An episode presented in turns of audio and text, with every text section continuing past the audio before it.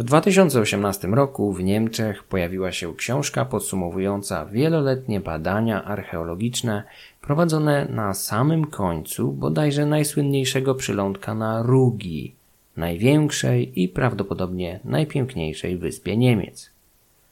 Publikacja autorstwa prowadzącego wykopaliska Freda Ruchhyfta jak już wspomniałem, podsumowała prawdopodobnie całą wiedzę, jaką zdołali dotychczas wycisnąć z tego skrawka ziemi archeolodzy prowadzący tam liczne badania już od XIX wieku. Ostatnie prace przebiegały pod naciskiem potężnej i nieubłaganej siły niezależnej od człowieka, jaką jest Morze Bałtyckie. Przylądek Arkona jest otoczony ponad 30-metrowymi wapiennymi klifami które wcinają się w morze, dzięki czemu lokalizacja przybiera majestatyczny i bardzo malowniczy wygląd. Jest jednak druga strona medalu, bowiem fale Morza Bałtyckiego albo Ostsee, Morza Wschodniego, jak zwoł go Niemcy, nieustannie wgryzają się w ląd i co roku podbierają swoją daninę centymetr za centymetrem i metr za metrem, porywając kolejne, najbardziej wysunięte partie przylądka do swoich głębin. W tym roku postanowiłem spędzić kilka lipcowych dni właśnie na niemieckiej Rugi, a odwiedziny na Arkonie były naturalnie najważniejszym punktem podróży. O, no może poza wycieczką do Parku Narodowego Jasmund, gdzie można podziwiać ciągnące się przez kilka kilometrów wysokie na 40 metrów kredowe klify, do których można dostać się przez bujny, niezamieszkany las. Odwiedzając Arkonę, zrozumiałem jeszcze lepiej pośpiech niemieckich archeologów. Na miejscu przekonałem się, że ostatnie elementy wewnętrznego wału już dawno runęły do morza, chociaż jeszcze kilka lat temu trzymały się całkiem dzielnie, odwlekając nieuchronny los. Obecnie ze względów bezpieczeństwa nie można już nawet wspinać się na zewnętrzny wał, ale resztki grodu można oglądać z pobliskiej latarni morskiej zamienionej w punkt widokowy. Losy Arkony i dzieje słowiańskiej Rugi najlepiej podsumowuje tytuł wspomnianej przeze mnie książki Ruchhyfta. Arkona, Glaube, Macht und Krieg im Ostseeraum. Czyli Arkona, wiara, władza i wojna na Bałtyku. Historia ostatniego bastionu pogańskich Słowian, nie tylko na Rugi, ale w ogóle w tej części Europy jest na tyle fascynująca, że doczekała się kilku innych książek, zarówno naukowych, jak beletrystycznych. Jest nawet rosyjski zespół muzyczny z gatunku folk, pagan, metal, który przyjął nazwę Arkona jako swoją własną. Rugia jest, jak już wspomniałem, największą wyspą dzisiejszych Niemiec. Jej najbardziej skrajne wybrzeża dzieli niemal 30 km, a powierzchnia wynosi około 970 km2. Od stałego lądu odcinają wąska cieśnina, zwana w przeszłości ze względu na swój kształt strela, co w języku Słowian znaczyło strzałę. Po dodaniu niemieckiej końcówki sund, oznaczającej cieśninę, uzyskaliśmy Strelasund. Nazwę taką przybrało też leżące nad tą cieśniną miasto, znane dzisiaj jako Stralsund, dawniejszy strzałów. Dogodne położenie na przecięciu szlaków handlowych prowadzących z Danii i Szwecji do wschodniego basenu Morza Bałtyckiego przyczyniło się do rozwoju handlu oraz piractwa na samej Rugi.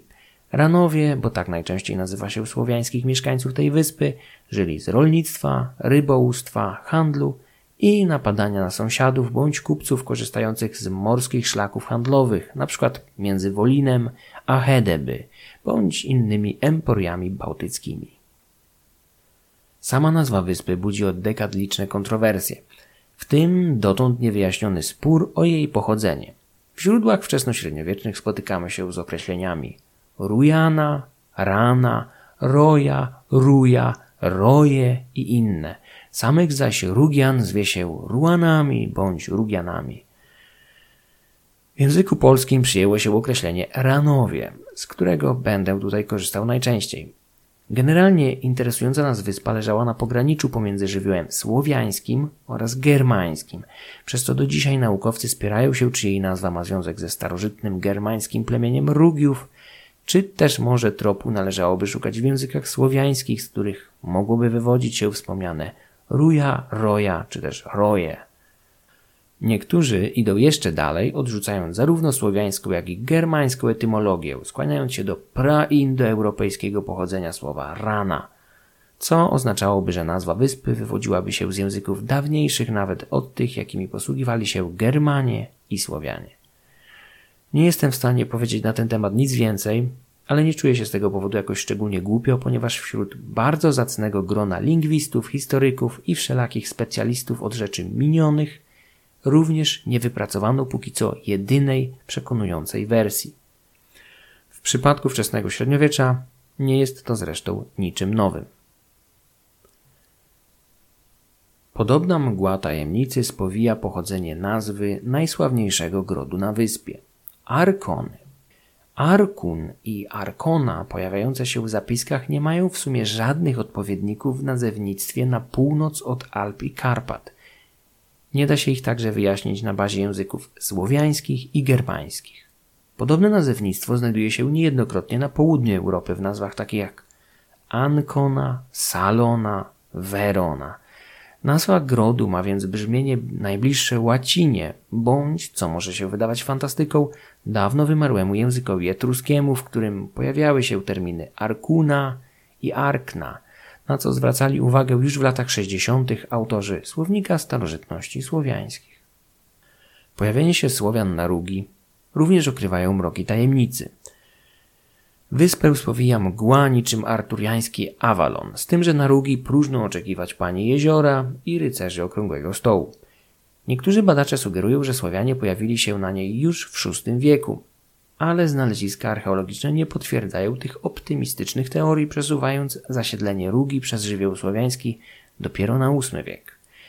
Naturalnie jest to akademicka dyskusja, która wraz ze stałym przypływem znalezisk dzięki nieustannym wykopaliskom z czasem przyniesie na pewno precyzyjniejsze wnioski.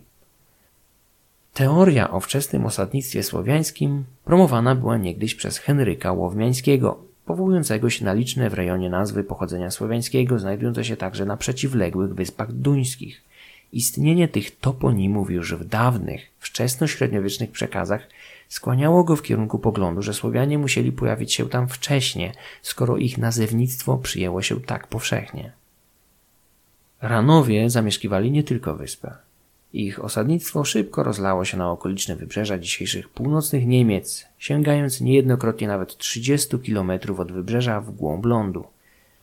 Ufni w swą siłę zaczęli również kolonizować leżące dalej na północ wyspy Lolland, Falster i Möen – które w późniejszych latach znajdą się pod panowaniem duńskim i tak zostanie aż do dnia dzisiejszego. Ekspansywność Ranów przyczyniła się do licznych konfliktów z sąsiadami, nie tylko Sasami i Duńczykami, ale przede wszystkim żyjącymi na kontynencie Słowianami skupionymi w Związku Wieleckim. Ranowie regularnie wiązali się sojuszami z Sasami, aby przeciwważyć swoich wieleckich sąsiadów, których często napadali i rabowali, z wzajemnością zresztą. Myliłby się ten, kto uważał Słowian Pułapskich, do których można zaliczać również Ranów, za ludzi tworzących jakąś poważniejszą, ponadplemienną wspólnotę. Jednoczyli się ze sobą jedynie w przypadku wspólnego zagrożenia. Poza tymi wyjątkowymi sytuacjami zaś toczyli ze sobą okrutne, długotrwałe i wyniszczające wojny.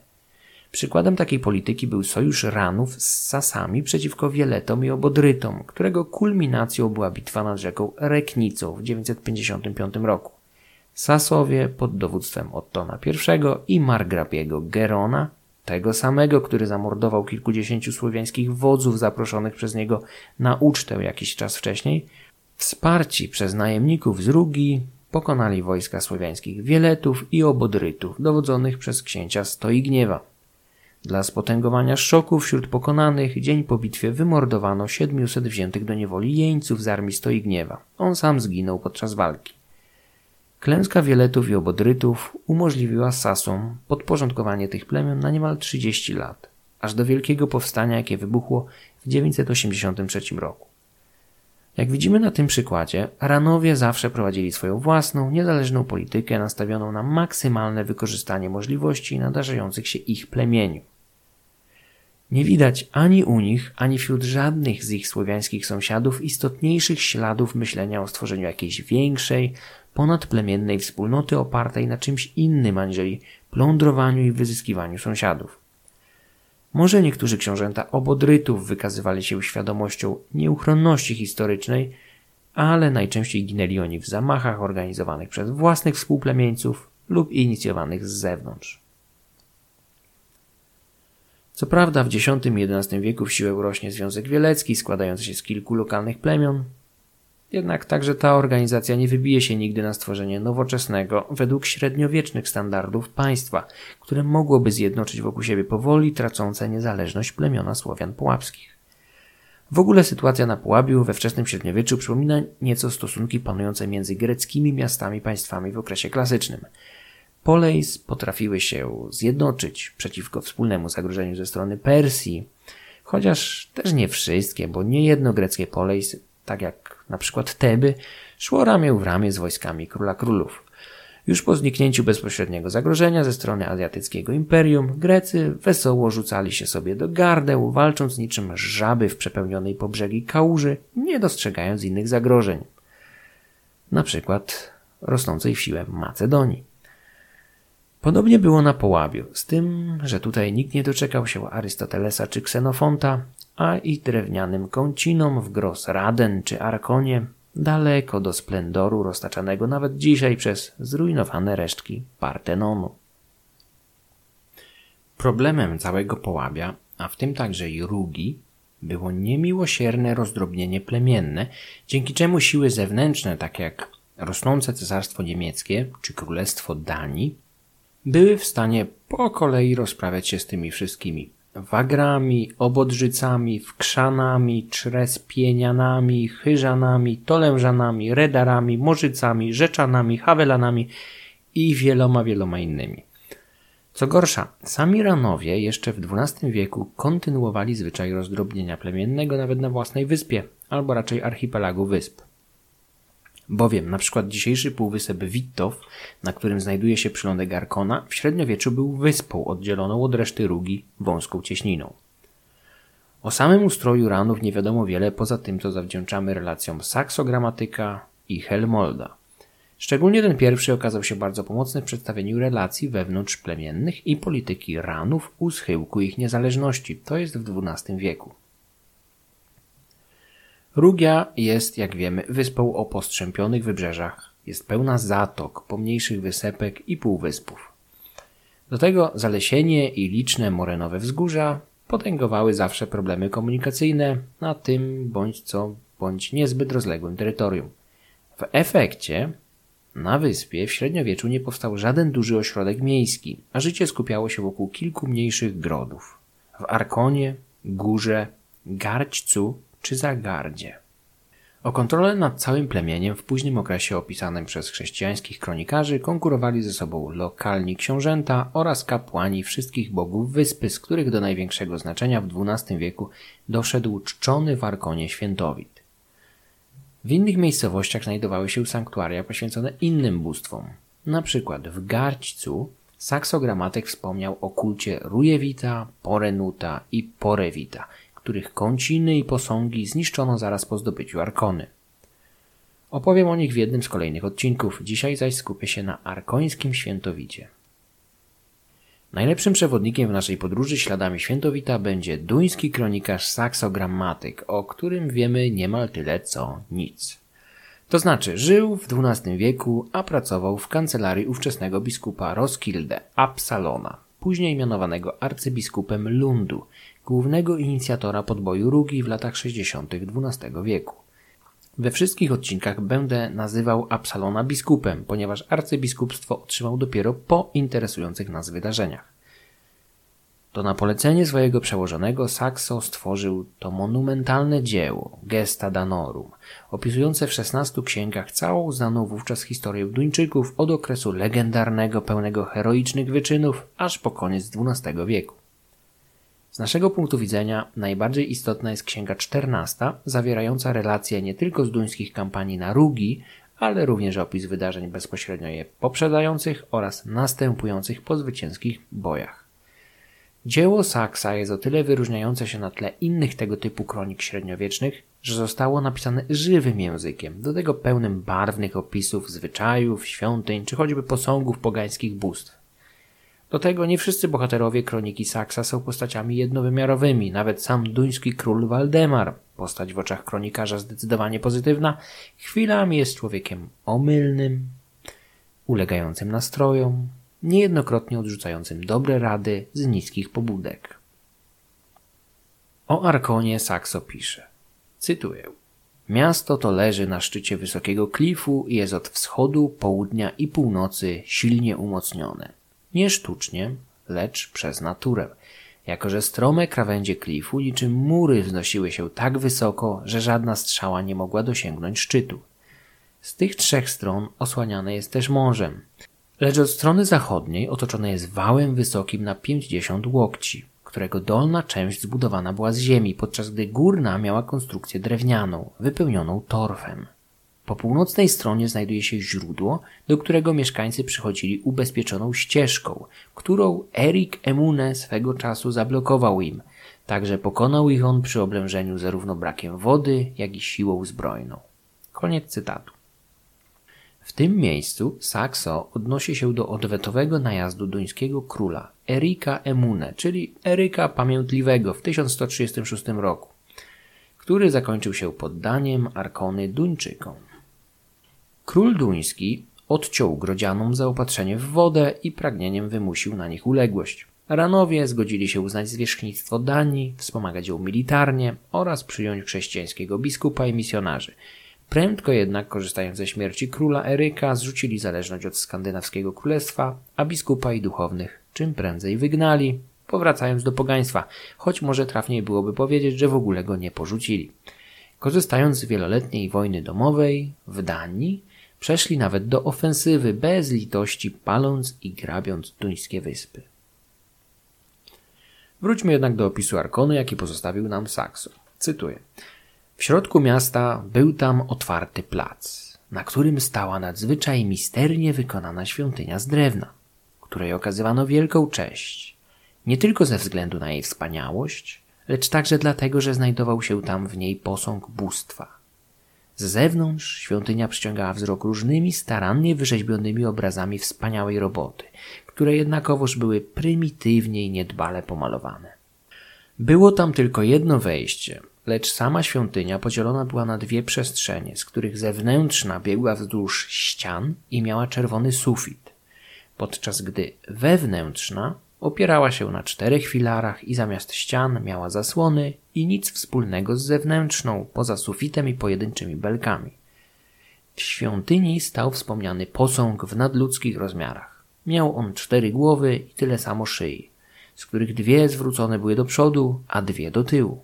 Tak samo z tych dwóch głów zwróconych do przodu, jak i tych dwóch zwróconych do tyłu, jedna patrzyła w prawo, a druga w lewo.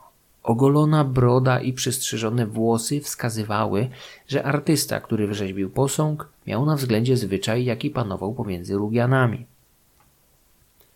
W prawym ręku posąg trzymał róg, zrobiony z różnych metali. Ten wypełniał doświadczony kapłan raz w roku winem i z zachowania napoju wróżył, jaki będzie przyszłoroczny plon. Lewą rękę miał posąg zgiętą i wspartą na boku – Tunika sięgała goleni zrobionych z różnych gatunków drewna, które były tak dyskretnie połączone z kolanami, że jedynie uważnie się przyglądając można było zauważyć złączenia. Stopy były całkiem przy podłodze, lecz to, na czym stał, ukryte było w ziemi. Obok widać było uprząż i siodło oraz inne jego insygnia, z których szczególnie zadziwiający był nadzwyczaj wielki miecz, którego pochwa i uchwyt były ze srebra i ozdobione przepysznie wspaniałą robotą. Koniec cytatu. Tutaj należałoby się kilka słów wytłumaczenia tego, co przed chwilą usłyszeliśmy. Opis duńskiego kronikarza jest tak szczegółowy i barwny, że, że musiał pochodzić z relacji kogoś, kto widział posąg świętowita na własne oczy – być może sam Saxo, w końcu pracujący bezpośrednio pod zwierzchnictwem biskupa Absalona, sam widział sanktuarium i posąg bóstwa po ostatecznym upadku Arkony w czerwcu 1168 roku. W opisie budynku Saxo używa łacińskiego słowa fanum, którego nie sposób przetłumaczyć jednoznacznie. Oznacza ono bowiem miejsce kultu, sanktuarium, czy też po prostu kącinę, Z całą pewnością jednak duński kronikarz nie patrzył na arkońskie fanum jako odpowiednik katedr czy murowanych kościołów. To nie ta liga. Sam opis również każe nam sądzić, że przybytek świętowita był niewielką drewnianą budowlą. Sam Fred Ruchoft, prowadzący kopaliska w Arkonie, zwraca uwagę, że większość obecnych rekonstrukcji tego sanktuarium jest bardzo swobodna i przypomina tak zwane klepkowe kościoły skandynawskie bądź inne budowle. Generalnie robi się z przybytku jakąś majestatyczną budowlę, podczas gdy rzeczywistość była znacznie skromniejsza. Dalszy opis kultu, który przytoczę za chwilę, oraz opis niszczenia figury, jakiej przytoczę w całości w kolejnym odcinku, wyraźnie potwierdzają to, co zauważył Ruchoft, że posąg musiał być nieznacznie większy od człowieka, a całe sanktuarium, determinowane przez jego wielkość, również było niewielkie.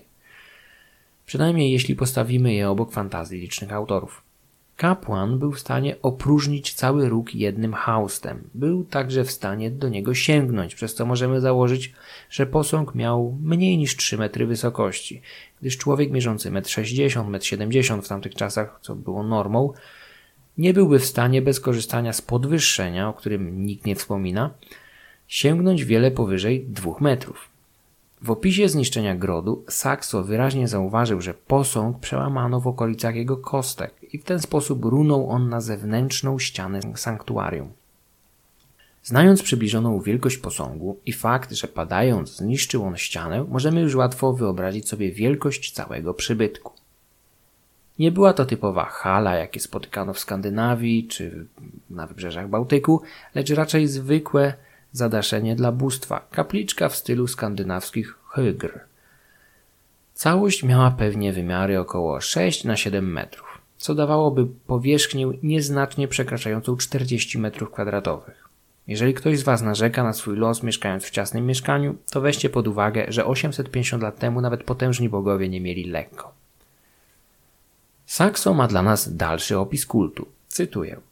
Kult Boga sprawowano w następujący sposób. Raz w roku, gdy żniwa zbliżały się ku końcowi, zbierał się cały lud wyspy przed świątynią. Składano bydło w ofierze i spożywano uroczysty posiłek ku chwale bogów. Kapłan, który w odróżnieniu od tego, co było raczej obyczajem mieszkańców miasta, miał długie włosy i brodę, zwykle na dzień przed świętym oprzątkiem szedł do świątyni, której próg jedynie on miał prawo przekroczyć i sprzątał i porządkował starannie, przy czym musiał uważać, by wstrzymywać oddech. Także za każdym razem, gdy potrzebował zaczerpnąć powietrza, musiał śpieszyć do drzwi, by Bóg nie został skażony tym, że jakiś człowiek oddychał w jego bliskości. Dzień później, gdy lud rozłożył się obozem przed drzwiami świątyni, brał kapłan róg z ręki figury i sprawdzał dokładnie, czy napój w nim znikał. Co uważano za ostrzeżenie, że będzie nieurodzaj w roku następnym, w związku z czym zobowiązywał on lud do oszczędzania aktualnych plonów, by zachować coś z nich na rok następny. Jeżeli napój nie znikał, wróżyło to pomyślny rok. W zależności od tego, co róg przepowiadał, nakazywał on więc ludziom albo oszczędzać aktualne zbiory, albo korzystać z nich dosyta. Następnie wylewał on wino jako ofiarę u stóp posągu, napełniał róg na nowo i udawał, jakby pił na jego cześć. I jednocześnie wzniosłymi słowami prosił on o powodzenie dla siebie i ludności kraju, o bogactwo i o zwycięstwo, po czym przykładał róg do ust i pił to szybko jednym haustem, po czym ponownie napełniał go i wkładał ponownie w prawą rękę posągu. Było tam też ofiarowane ciasto miodowe owalnego kształtu, które było prawie na wysokość człowieka. To ustawiał kapłan między sobą a ludem i pytał następnie, czy go widzieli. Gdy odpowiadali oni, że tak, wypowiadał on życzenie, by nie zobaczyli go w następnym roku. Przy czym sens tego nie był, że życzył on sobie lub ludowi śmierci, lecz żeby rok był pomyślny, a ciasto większe. Następnie błogosławił on lud w imieniu Boga, pouczał ich, by okazywali mu swój szacunek częstymi ofiarami, których oczekiwał jako słusznej zapłaty za zwycięstwa na lądzie i morzu. A gdy to zostało dokonane, spędzali resztę dnia na wielkiej uczcie, gdzie obiadali się dosyta darami ofiarnymi, także to, co zostało poświęcone Bogu, pożerali oni sami. Na tej uczcie uważano za czyn miły Bogu upić się, a za grzech pozostawać trzeźwym. Na potrzeby kultu musiał każdy mężczyzna i kobieta rocznie płacić jedną monetę, a Bóg ponadto otrzymywał jedną trzecią łupów, jakie zdobyli, bowiem uważali, że powinni dziękować mu za jego pomoc. Było też przydzielonych mu trzysta koni i tyluż wojowników, którzy walczyli dla niego i którzy musieli przez to oddawać kapłanom całe łupy, które zdobyli, czy to było wzięte z bronią w ręku, czy ukradzione. Za te pieniądze, które wpływały tam z tego tytułu, polecał on przygotowywać wszelkie szlachetne precjoza i różne ozdoby do świątyni, które przechowywał w zamkniętych skrzyniach, w których też oprócz mnóstwa pieniędzy przechowywano liczne sztuki purpury, które były całkiem zniszczone upływem czasu, jak i liczne dary, częściowo od ludu, a częściowo od indywidualnych osób, które były dane im jako dary ofiarne dla pozyskania szczęścia i powodzenia.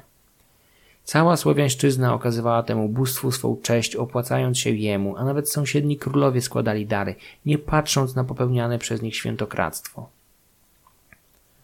Pomiędzy innymi król Danii, Svend Grate, podarował wspaniale wykonany puchar, aby zdobyć jego przychylność, za które to świętokradztwo przyszło mu później zapłacić nieszczęsną śmiercią. Koniec cytatu. Saxo ma tutaj na myśli dar złożony w latach 50. XII wieku przez Svenda, jednego z pretendentów do duńskiego tronu, o który walczył z dwoma innymi konkurentami Kanutem i Waldemarem. Trzej przeciwnicy to łączyli się w sojuszach, to wojowali ze sobą, próbując jednocześnie wciągnąć do konfliktu po swojej stronie ościenne siły. Przykładem takich podchodów mógł być drogocenny dar przekazany przez Svenda sanktuarium Świętowita.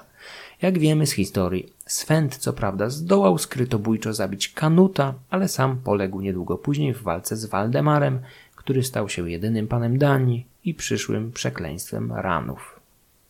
Wróćmy jednak do opisu Saksa. Cytuję. Ten Bożek miał ponadto również inne świątynie w różnych miejscach, które nie cieszyły się tak wielkim uznaniem jak ta w Arkonie. Miał on także swego własnego białego konia. Uważano za świętokradztwo wyrwanie włosa z jego grzywy lub ogona.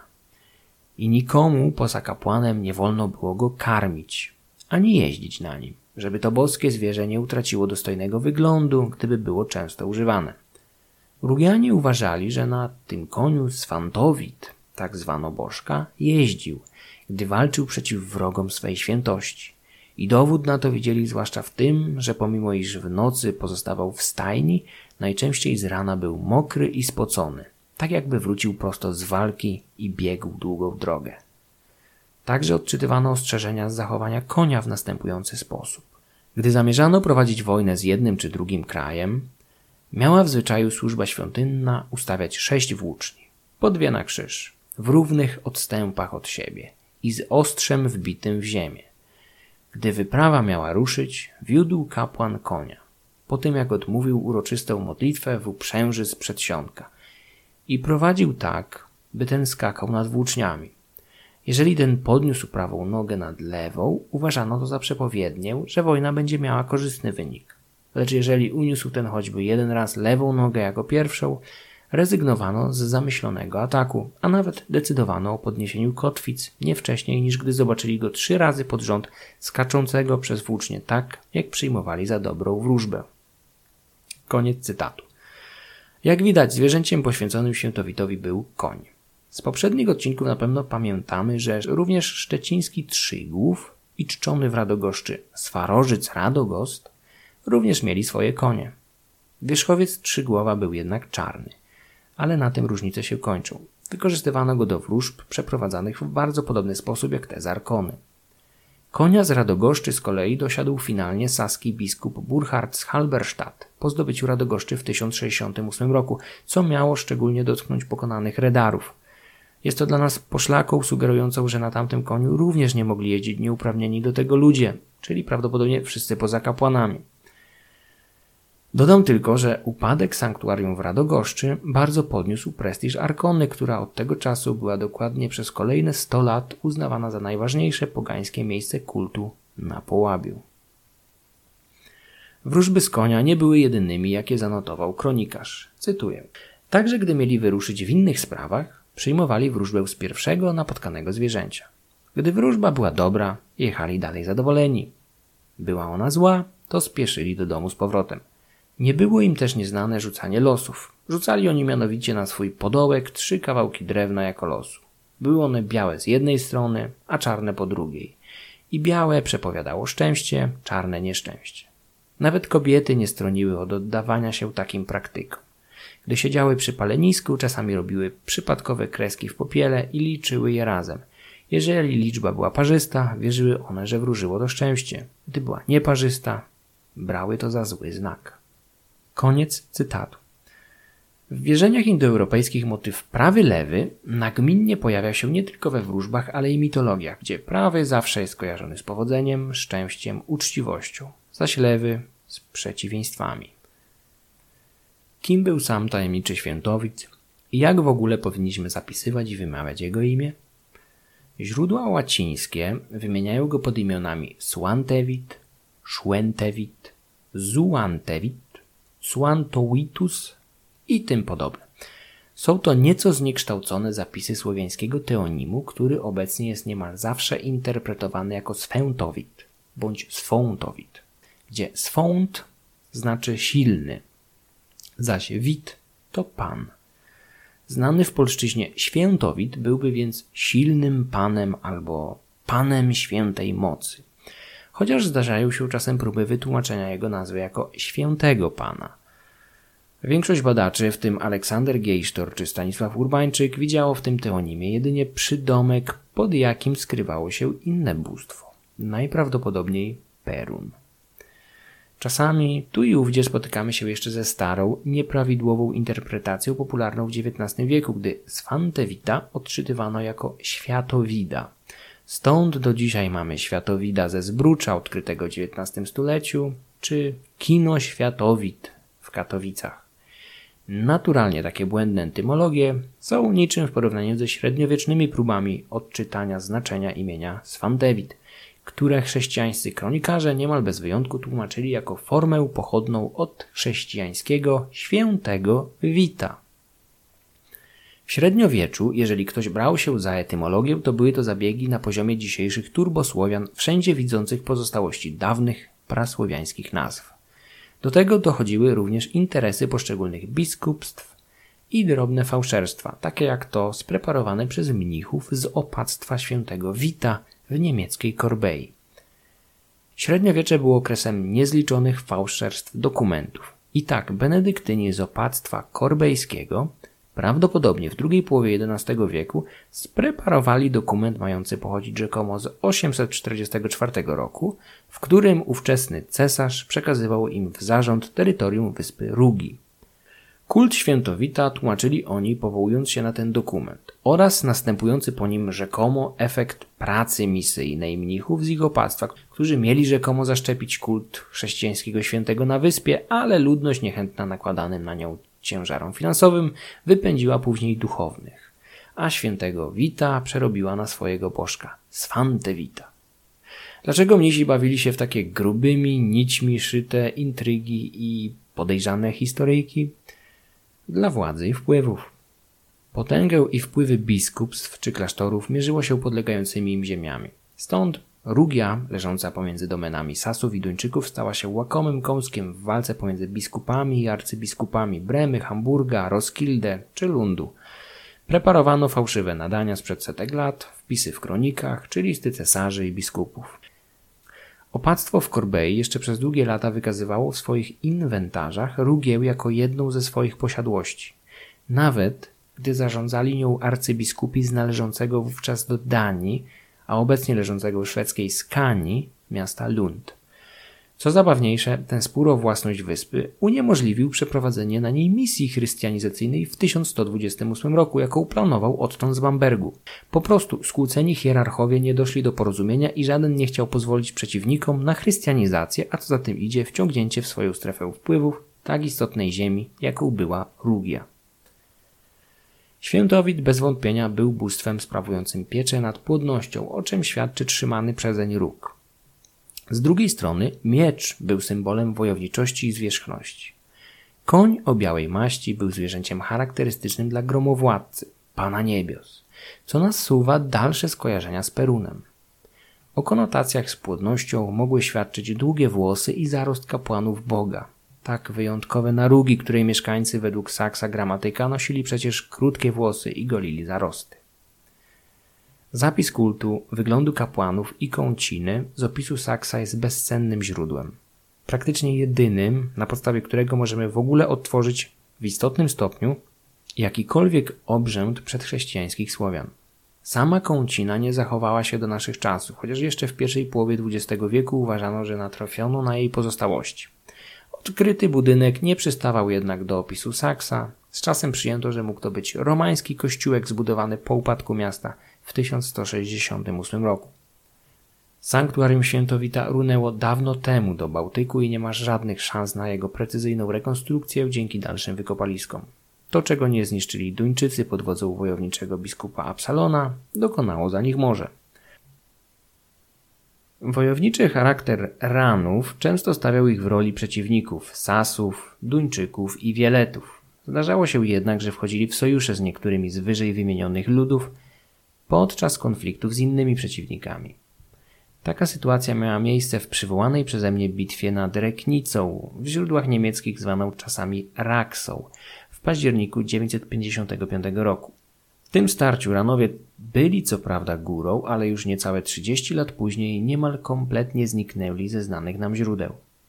Ogólnosłowiański bunt, jaki rozlał się na Połabiu w 983 roku, zaowocował zrzuceniem saskiej okupacji i zniszczeniem wszelkich postępów dotychczasowych misji chrystianizacyjnych.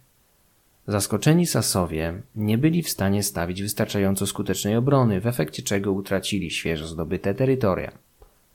Efektem rebelii był znaczny wzrost prestiżu i możliwości Związku Wieleckiego, skupiającego w swoich szeregach cztery plemiona: Redarów, Trzerespienian, Chyżan i Dołężan.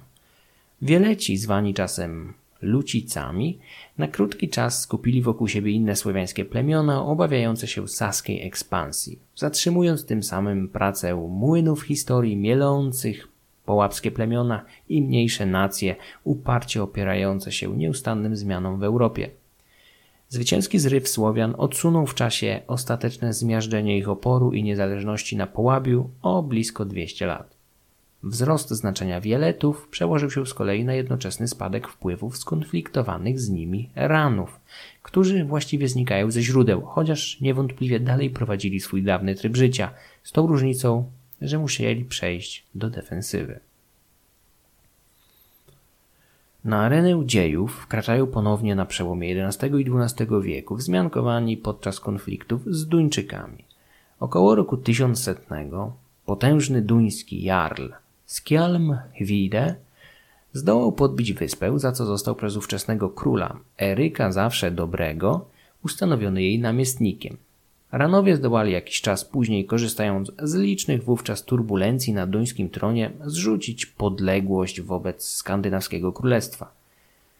Warto jednak pamiętać o tym krótkotrwałym triumfie Skjalmachwide, szczególnie dlatego, że motorem napędowym ostatecznego podboju Rugi ponad 60 lat później będzie nie kto inny, ale jego wnuk, Absalon. Ranowie wcale nie byli niewiniątkami biernie czekającymi na uderzenie wrogów.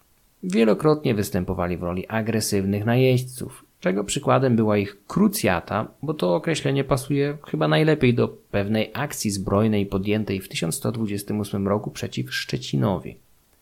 Portowe miasto zaledwie 4 lata wcześniej przyjęło misję chrystianizacyjną Ottona z Bambergu, który nawracał pogan pod zbrojnym patronatem polskiego księcia Bolesława Krzywoustego. Szczecinianie zrozumieli powagę sytuacji, coś co określiłbym mianem nieuchronności historycznej, to też misja Ottona zakończyła się pełnym sukcesem i jak donoszą źródła, wielotysięcznymi nawróceniami, albo przynajmniej chrztami. Ile było w tym rzeczywistej chęci życia według reguł nowej wiary, a ile chęci uniknięcia karnej ekspedycji wojowniczego Bolesława, można jedynie przypuszczać. Ranowie, związani z sojuszniczymi stosunkami ze szczecińskim Grodem, zareagowali oburzeniem na chrzest całego miasta i postanowili zorganizować ekspedycję, która nauczy krnąbrnych Szczecinian rozsądku, przywracając ich na łono dawnej wiary przodków. Nie bez znaczenia były również wewnętrzne animozje na samym Pomorzu, gdzie głowę podnosili kapłani dawnych religii, buntując lokalną ludność przeciwko niemieckiemu Bogu, jak zwano Jezusa – Morska wyprawa doszła do skutku w 1128 roku, ale zakończyła się klęską. Miasto nad Odrą pozostało przynajmniej oficjalnie chrześcijańskie, a Ranowie zostali na placu boju jako ostatni poganie w tym rejonie. Lord Palmerston powiedział kiedyś, że Wielka Brytania nie ma stałych przyjaciół ani wrogów, ma jedynie stałe interesy. Podobna sytuacja miała miejsce nad średniowiecznym Bałtykiem, więc nieudany najazd Ranów na Szczecin nie przeszkodził w nawiązaniu współpracy między Wyspiarzami a Pomorzanami, wspieranymi dodatkowo przez Bolesława Krzywoustego we wspólnym sojuszu przeciwko Danii, zawiązanym w 1134 roku, a więc zaledwie 6 lat po nieudanym najeździe na Szczecin. Chrześcijański książę nie miał nic przeciwko współpracy z poganami, jeżeli zmuszała go do tego racja stanu, a tak niewątpliwie było w tym wypadku. Ranowie w swoim stylu zaczęli dokonywać licznych najazdów na duńskie wybrzeża, posuwając się nawet do ataku na Roskilde. Król Danii Eryk Pamiętliwy odpowiedział w 1136 roku w ten sam sposób, lecz znacznie skuteczniej, jak donosi Saxo Gramatyk. Cytuję – Zebrał on flotę i pożeglował na Rugię. I by móc prowadzić wojnę jeszcze energiczniej, polecił on, czego nikt wcześniej nie uczynił, zabrać konie na pokład duńskich łodzi, cztery na każdą, który to zwyczaj był później pilnie naśladowany. Duńczycy dobili do Rugi, gdzie znaleźli miasto Arkona silnie ufortyfikowane. By odciąć je od pomocy sąsiadów, przekopali oni kanał oddzielający ten pasek lądu, który leżał pomiędzy polami Arkony a resztą Rugi i wznieśli niezwykle wysoki wał w poprzek niego.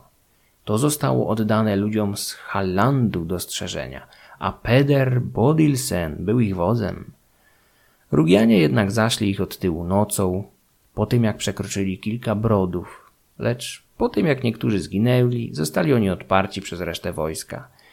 Gdy Arkonianie nie byli teraz wystarczająco silni, by się przeciwstawić wrogowi i nie widzieli żadnej możliwości otrzymania pomocy, ugięli się przed nieuchronnością i poddali Duńczykom pod tym warunkiem, że zachowają życie przyjmując chrześcijaństwo.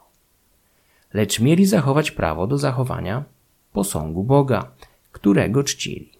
Był tam mianowicie w mieście posąg, który mieszkańcy czcili z największym szacunkiem i któremu sąsiedzi również oddawali nieustannie wielką cześć. Ten zwany był fałszywie świętym Witem.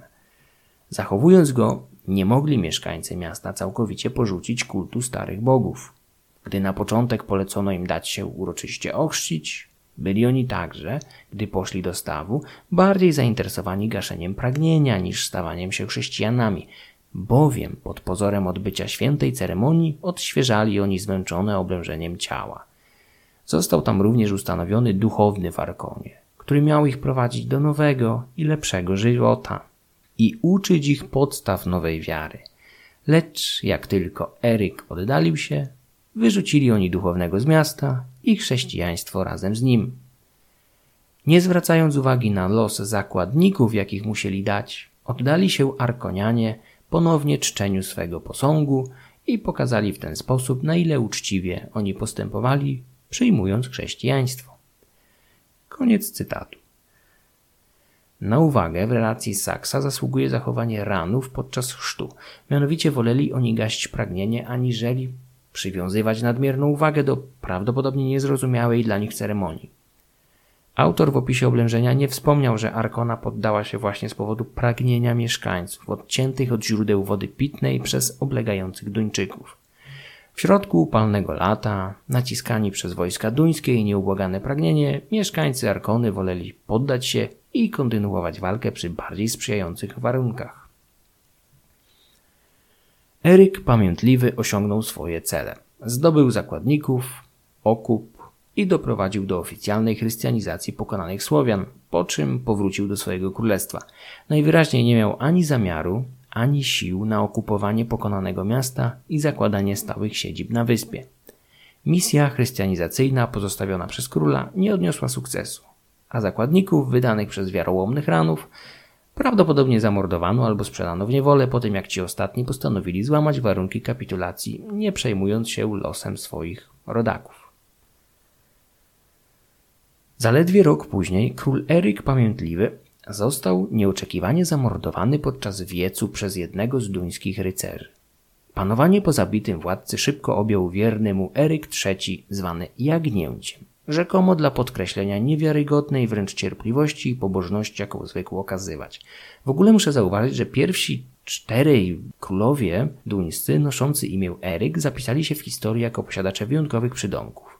Listę zapoczątkował Eryk I zawsze dobry, następnie Eryk II pamiętliwy lub pamiętny, potem Eryk III Jagnie, a po latach Eryk IV Denar od Pługa.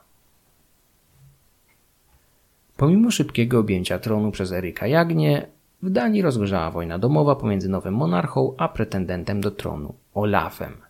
Eryk co prawda wyszedł z walk zwycięsko, ale awantura kosztowała Danię ostateczną utratę wpływów na Rugi, której mieszkańcy definitywnie zerwali się z postronka. Eryk Jagnie odznaczał się wybitną pobożnością, co skłoniło go do porzucenia tronu i wstąpienia do zakonu, w którym wkrótce zmarł.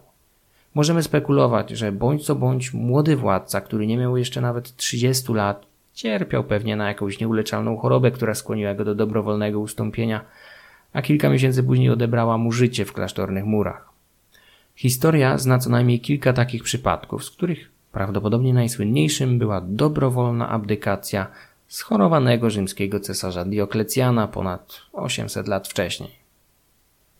Abdykacja Eryka Jagnięcia rozpętała w Danii prawdziwą burzę, gdyż w jednej chwili znalazło się dwóch poważnych pretendentów do tronu Swent i Kanut. Z czasem do walki o najwyższą stawkę dołączył również Waldemar. Z początku po stronie Swenda, z czasem zmienił sojusze i wsparł Kanuta – w tym momencie każdy byłby uprawniony do powiedzenia, że coś śmierdzi w państwie duńskim. Trzej pretendenci walczyli o tron przez dziewięć lat, w czasie których dochodziło do licznych roszad i zmian sojuszów, cudownych zwycięstw, nieprawdopodobnych porażek i licznych aktów bezlitosnego barbarzyństwa niszczącego duńskie państwo od środka.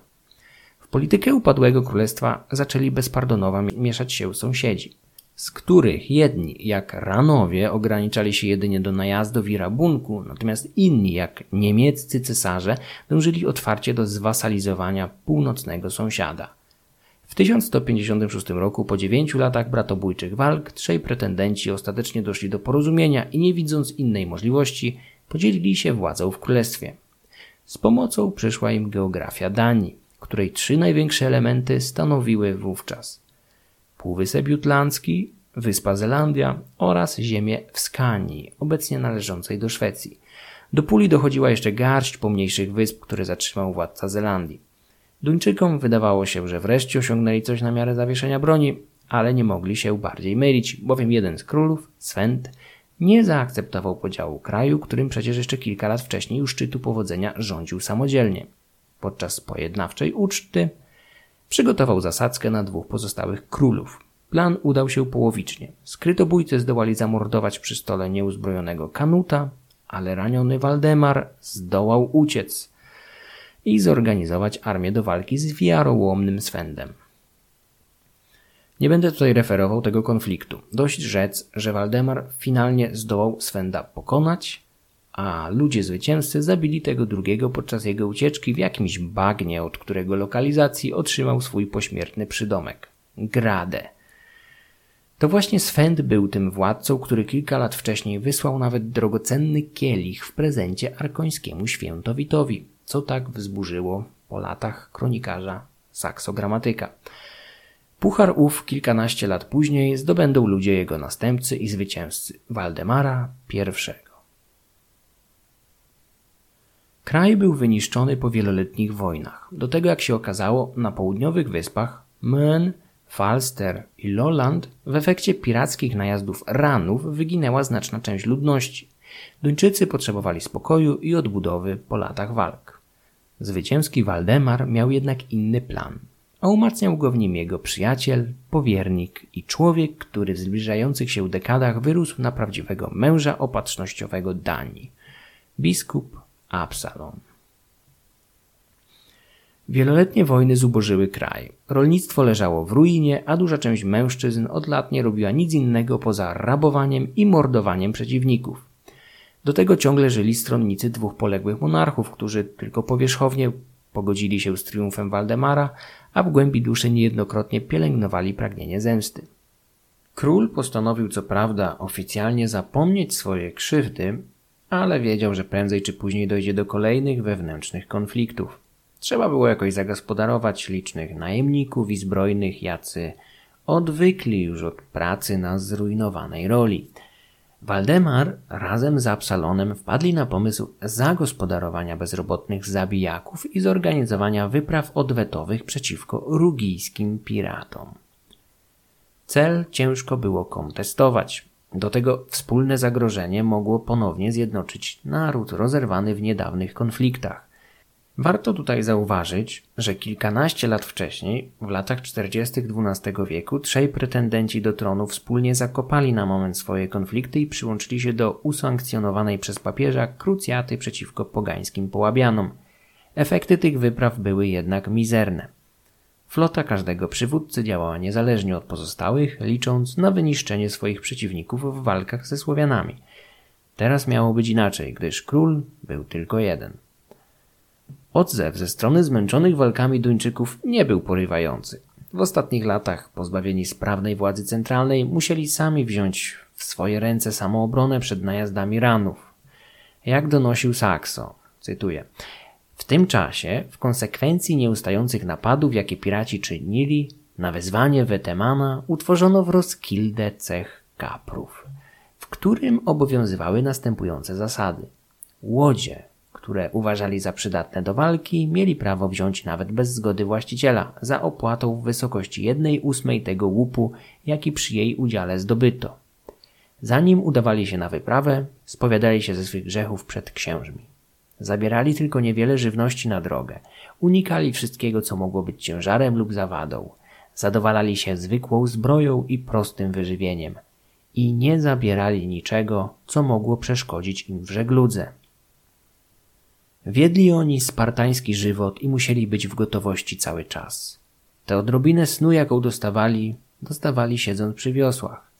Walczyli często z wrogiem, lecz zawsze z łatwością zwyciężali i prawie bez przelewania własnej krwi. Łupem dzielili się równo pomiędzy sobą. Dowódca nie otrzymywał więcej niż zwykły wioślarz.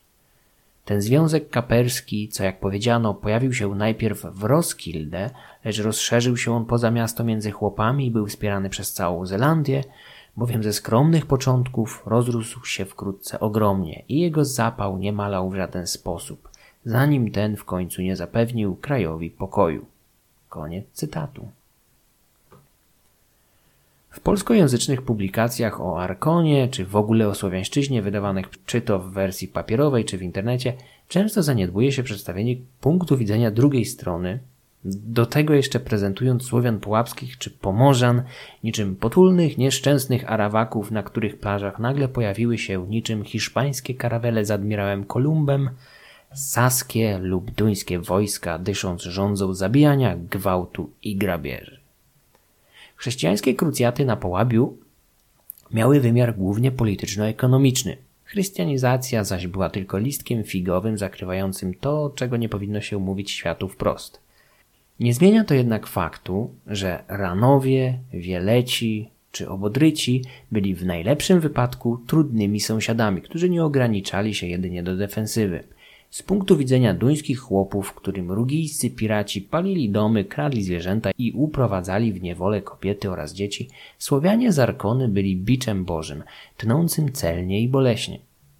Fragment o kaprach z Roskilde, pozostawionych samym sobie przez lokalnych kacyków zajętych bratobójczym mordobiciem, najlepiej prezentuje sytuację i punkt widzenia przeciętnego Duńczyka w XII wieku. Saxo zwracał uwagę, że, cytuję, w następstwie nabierających szybko na sile napadów pirackich stały wszystkie wioski we wschodniej części Jutlandii opuszczone. Od wandalskiego skraja aż po rzekę Eider na południu i pola leżały tam odłogiem. Wschodnia i południowa część Zelandii były też jałowe i wyludnione, bowiem nie było tam żadnych chłopów, a piraci czuli się jak u siebie w domu. Na Fionii też pozostało tylko niewielu mieszkańców.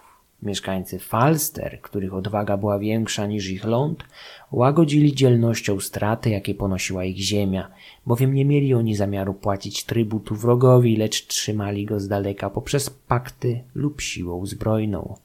Lolland, która jest większa od Falster, zdobyła pokój płacąc za niego. Reszta wysp leżała bezludna. Koniec cytatu. Jeden z duńskich wieśniaków miał podobno w swym rozgoryczeniu powiedzieć królewskiemu podczaszemu, że dawni królowie mieli ostrogi na piętach, nowy zaś pewnikiem miał je u stóp palców. Chłop miał na myśli, że dawniej król poganiał konia naprzód, zaś Waldemar, bojąc się Słowian, kłuł konia z przeciwnej strony, aby ten włączył bieg wsteczny, czyli uciekał z pola walki. Skandynawom zdarzały się jednak sukcesy. Podczas jednego z łupieskich najazdów, jeszcze w czasie wojny domowej, Duńczykom pod Roskilde udało się zaskoczyć słowiańskich napastników, przegonić ich jazdę z pola bitwy, a następnie zabrać się za eksterminację obciążonej łupami piechoty. Cytuję Saksa. Radulf przyłączył się do królewskiej jazdy i zajął się znowu rąbaniem piechoty. Uciekający byli tak zawzięci na branie łupów, że spiesząc obdzierali ze skóry owce, które zabili. Jak ci ludzie musieli być pełni chciwości, że będąc w największym niebezpieczeństwie i wyrzuciwszy swoją broń, nie potrafili się zebrać w sobie i ratować życie, porzucając nędzne łupy, które jedynie przeszkadzały im w ucieczce. Rzeź, jaką sprawili im Duńczycy, była tak wielka, że zaledwie starczyło ludzi, by odpłynąć na wiosłach. Koniec cytatu. W takim klimacie, przesyconym resentymentami i chęcią odwetu za wieloletnie grabieże, spotęgowanym unifikacyjnymi dążeniami nowego króla, Duńczycy podjęli decyzję o wyprawę na Rugieł, do której doszło w 1158 lub 1159 roku. Nikt nie sądził, że zapoczątkuje ona trwającą całą dekadę serię wyniszczających wojen, które z jednej strony ostatecznie obalą niezależność Ranów, a z drugiej wystrzelą zrujnowaną Danię do pozycji regionalnego mocarstwa. W zbliżającej się dekadzie z duńskich portów dwunastokrotnie będą wypływać ekspedycje niosące śmierć, ogień i grabież.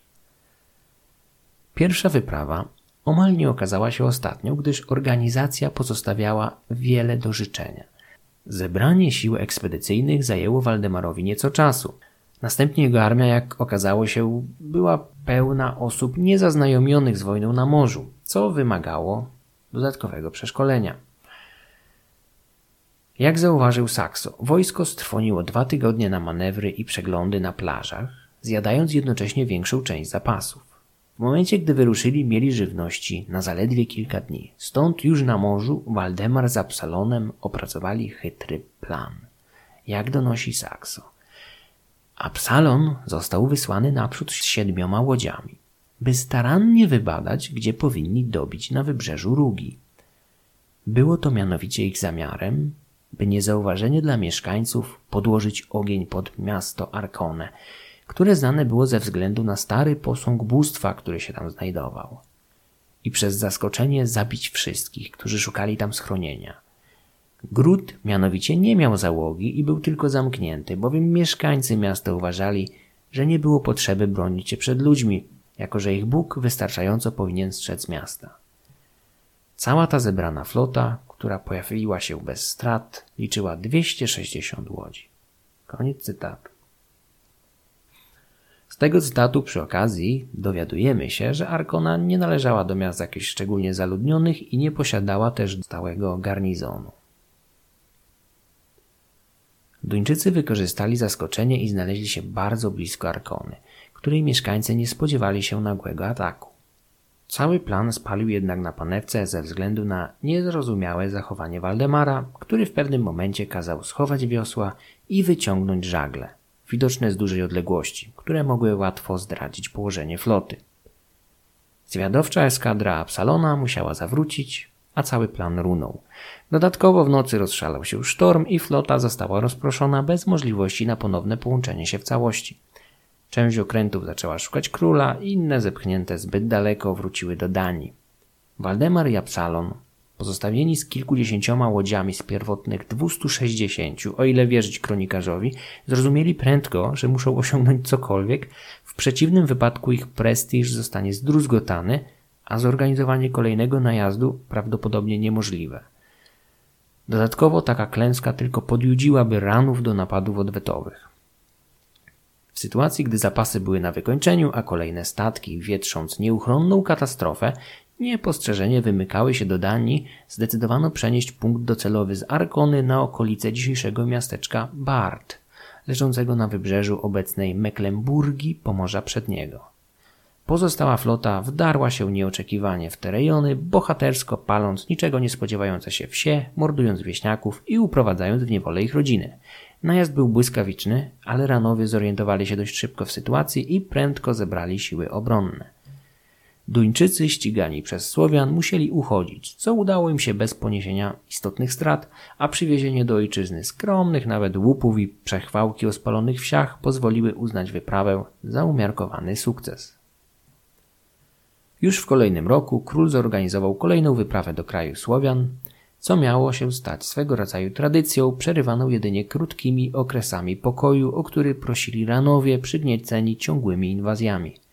Waldemar, wątpiąc w siłę swoich wojsk, zawarł sojusz z księciem Saksonii Henrykiem Lwem, który od południa atakował obodrytów, uniemożliwiając im przyjście z pomocą gnębionym od północy przez Duńczyków ranom. W ten sposób słowiańscy sojusznicy musieli na własną rękę walczyć z najeźdźcami, nie mogąc pomóc towarzyszom, co skończyło się dla jednych i drugich beznadziejnymi klęskami. To właśnie wtedy, w 1160 roku, zginął pogański książę obodrytów Niklot, a wkrótce Henryk Lew zdołał również uzależnić resztki Wieletów. W walkach z jednymi i drugimi wspierał go król Danii, który z tego tortu postanowił wyciąć dla siebie rugieł – Los Słowian Pułapskich był w tym momencie przesądzony. Jedyną niewiadomą był już tylko termin ostatecznego upadku. Saxo nie jest na szczęście naszym jedynym źródłem do poznania dziejów walk o Rugie, chociaż jego kronika jest bez wątpienia znacznie bardziej szczegółowa aniżeli drugie źródło, islandzka Knytlinga Saga, czyli Saga Królów Danii, która kampanię Waldemara z 1165 roku podsumowuje krótko. Duńczycy z wysp zgromadzili ogromne łupy. Potem król pociągnął do Asund i zniszczył okolice. Zabił tam pewnego przywódcę imieniem Dalemar, zabrał wszystko mienie, uprowadził ludność i powrócił do Hiddensee. Tu przyszli do króla Rugiowie, prosili o łaskę, wydali zakładników i tyle skarbów, ile król zażądał i obiecali być posłuszni. Potem król wrócił do Danii. Koniec cytatu. Wyczerpani nieustającymi najazdami Ranowie zdołali wynegocjować, a właściwie wybłagać pokój z Waldemarem poprzez biskupa Absalona, przypominając temu drugiemu, że kilkadziesiąt lat wcześniej jego dziadek, Skjalm Hride, również wysłuchał ich próśb i zapewnił im pokój na łagodnych warunkach. Prawdopodobnie w tym momencie rugijski poseł, którym był szczególnie elokwentny Dambor, Pominął fakt, że umowa pokojowa z 1100 roku została przy pierwszej sposobności przez wyspiarzy zerwana. Nowy pokój był umiarkowanie ciężki. Oprócz okupu i zwyczajowego wydania zakładników, Ranowie mieli od tej pory wspierać militarnie duńskie wyprawy. Prawdopodobnie Waldemar nie mógł chwilowo kontynuować pełnej ekspansji na wyspie, ponieważ odciągnęły go od tego walki o tron w Norwegii, na których, jak na poważnego władcę przystało, zamierzał zyskać coś dla siebie. Krótki oddech, jaki złapali ranowie, spożytkowali w jedyny rozsądny sposób. Mianowicie postanowili zawrzeć pakt z samym diabłem, w tej roli książę Henryk Lew, świeżo po pokonaniu obodrytów. Prawdopodobnie zapewnieni o ewentualnej pomocy przez saskiego władcę, ponownie zerwali więzi z Danią, korzystając z aktywności Waldemara w Norwegii. Zarówno Saxo, gramatyk, jak anonimowy autor Knytlinga sagi obarczają winą za ponowne rozpętanie konfliktu w 1168 roku mieszkańców wyspy. W Knytlinga sadze czytamy po prostu, cytuję, Trzy zimy panował pokój. Potem mieszkańcy Rugi zerwali pakt, do którego się zobowiązali. Koniec cytatu. W podobnym tonie, ale bardziej szczegółowo wypowiada się Saxo. Cytuję. Podczas gdy to się działo, odpadli Rugianie. Czując się bezpieczni, gdy król zajęty był tak daleko, nabrali oni odwagi. Gdy zima miała się ku końcowi, dowiedzieli się oni, że postanowił się on udać na wyprawę wojenną przeciw nim i wysłali do niego pewnego nadzwyczaj sprytnego i elokwentnego człowieka, by wyszukanymi pochlebstwami skłonił go do porzucenia swych planów. Gdy nie mógł on jednak nic wskórać, nie chciał on wrócić do domu, zanim Duńczycy by nie wyruszyli, by nie wzbudzić podejrzeń u swoich rodaków odradzaniem im prowadzenia wojny lub doprowadzając do ich nieszczęścia, doradzając im ją. Prosił on przeto Absalona, by mógł pozostać w jego świcie, dopóki jego rodacy nie zwrócą się do niego o radę, bowiem głupim ludziom bardziej podobają się te rady, których sami szukają, niż te, które im się proponuje. Król zaatakował teraz Rugię w różnych miejscach i zdobył wszędzie łupy, lecz nigdzie nie znalazł okazji do walki, a pragnąc utoczyć wrogiej krwi, przystąpił do oblężenia Arkony. Waldemar nie był w stanie znaleźć okazji do walki, gdyż najprawdopodobniej ranowie byli już na krawędzi biologicznych granic możliwości stawiania oporu.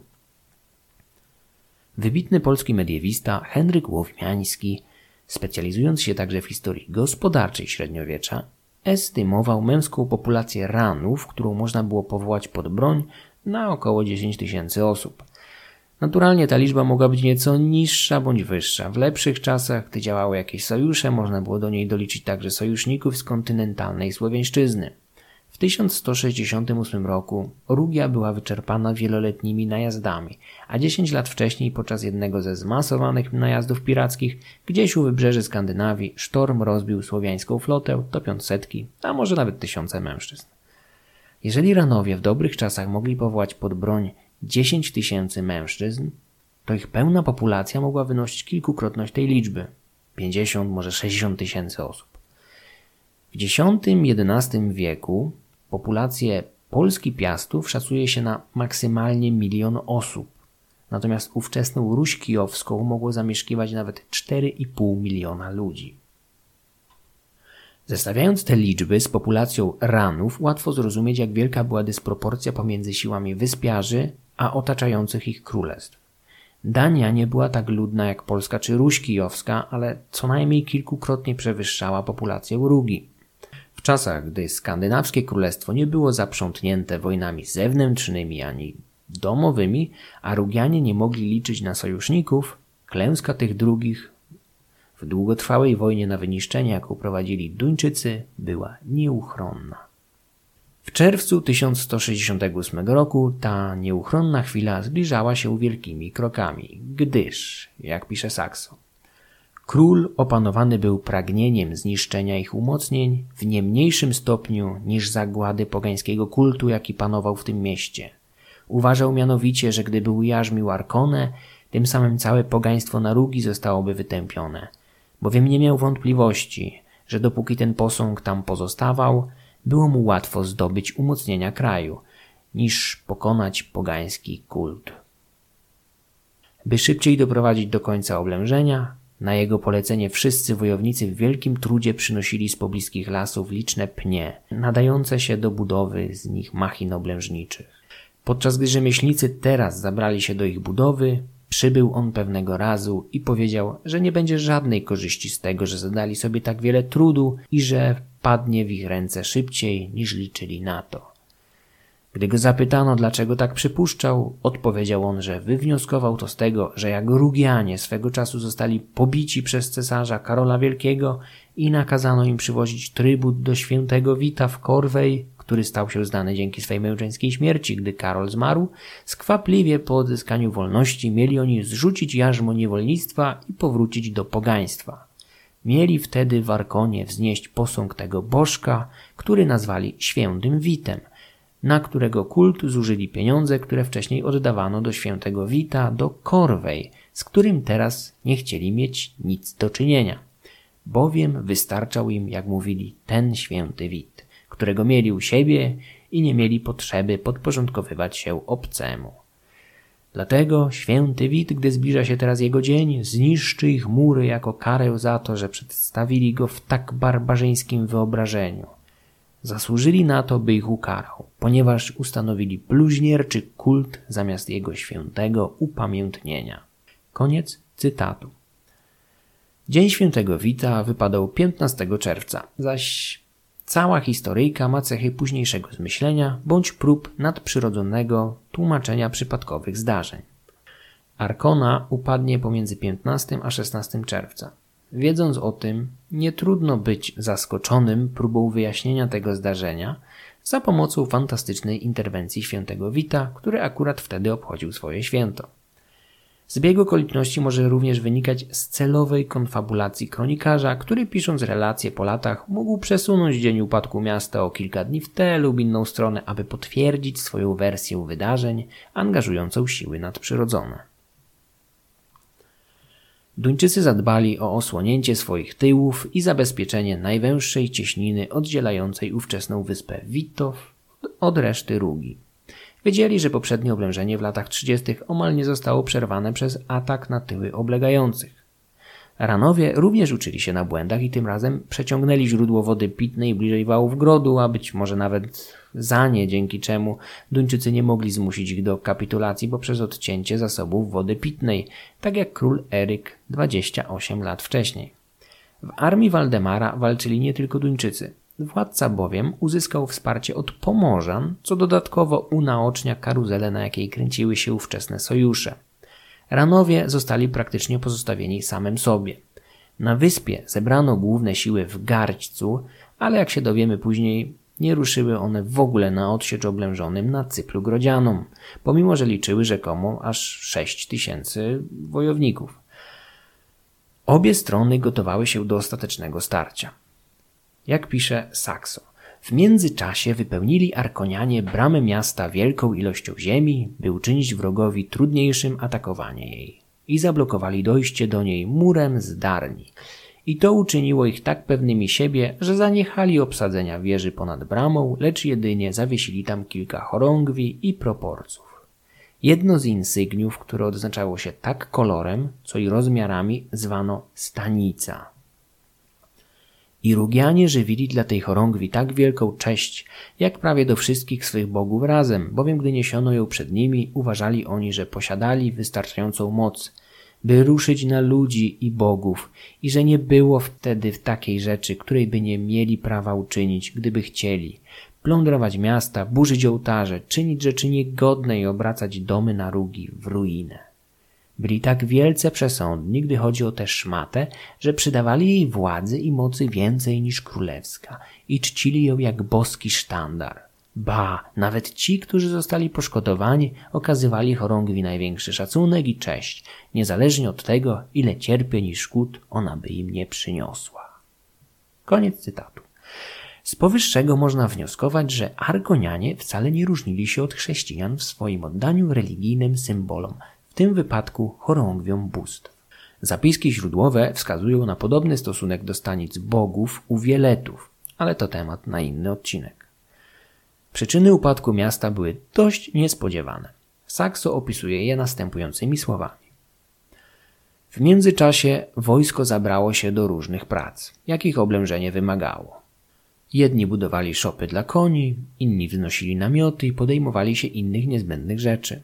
Podczas gdy król ze względu na wielki gorąc, jaki był za dnia, przebywał spokojnie w swoim namiocie, niektórzy duńscy chłopcy, którzy w podnieceniu odważyli się podejść do samego wału obronnego, poczęli procami ciskać kamienie na umocnienia. Arkonianie przyjmowali raczej ze śmiechem niż przestrachem ich pomysły i powstrzymywali się od użycia broni przeciw takiej zabawie.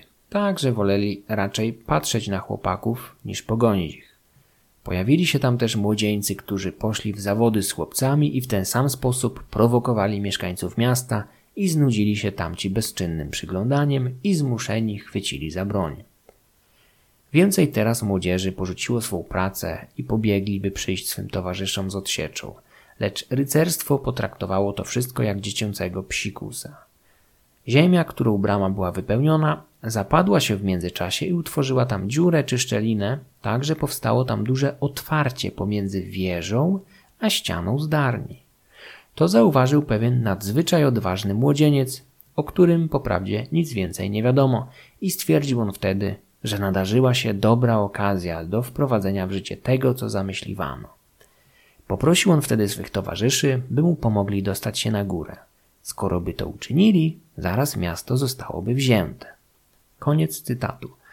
Dzieniec wspiął się następnie po włóczniach wbitych w darń przez towarzyszy, niczym po drabinie i na koniec dostał się do wspomnianej szczeliny, jaka powstała w bramie wypełnionej ziemią pomiędzy drewnianymi belkami a darnią.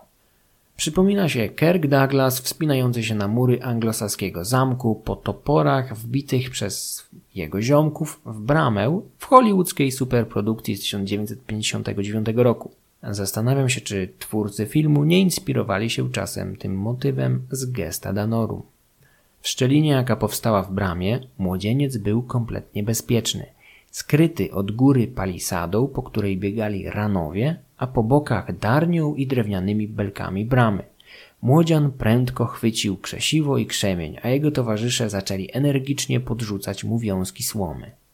Ranowie prawdopodobnie przeoczyli to w ferworze walki i nie uświadamiali sobie, że młody Dun właśnie krzesze ogień pod stos pogrzebowy ich miasta.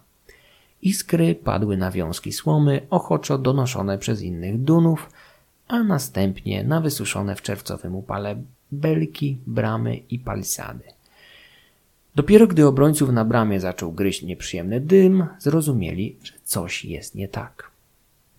Jak donosi dalej Saxo, zszokowani mieszkańcy nie wiedzieli, czy walczyć z wrogiem, czy rzucić się do gaszenia płonącej bramy. Ostatecznie wybrali to drugie, w czym energicznie przeszkadzali im Duńczycy.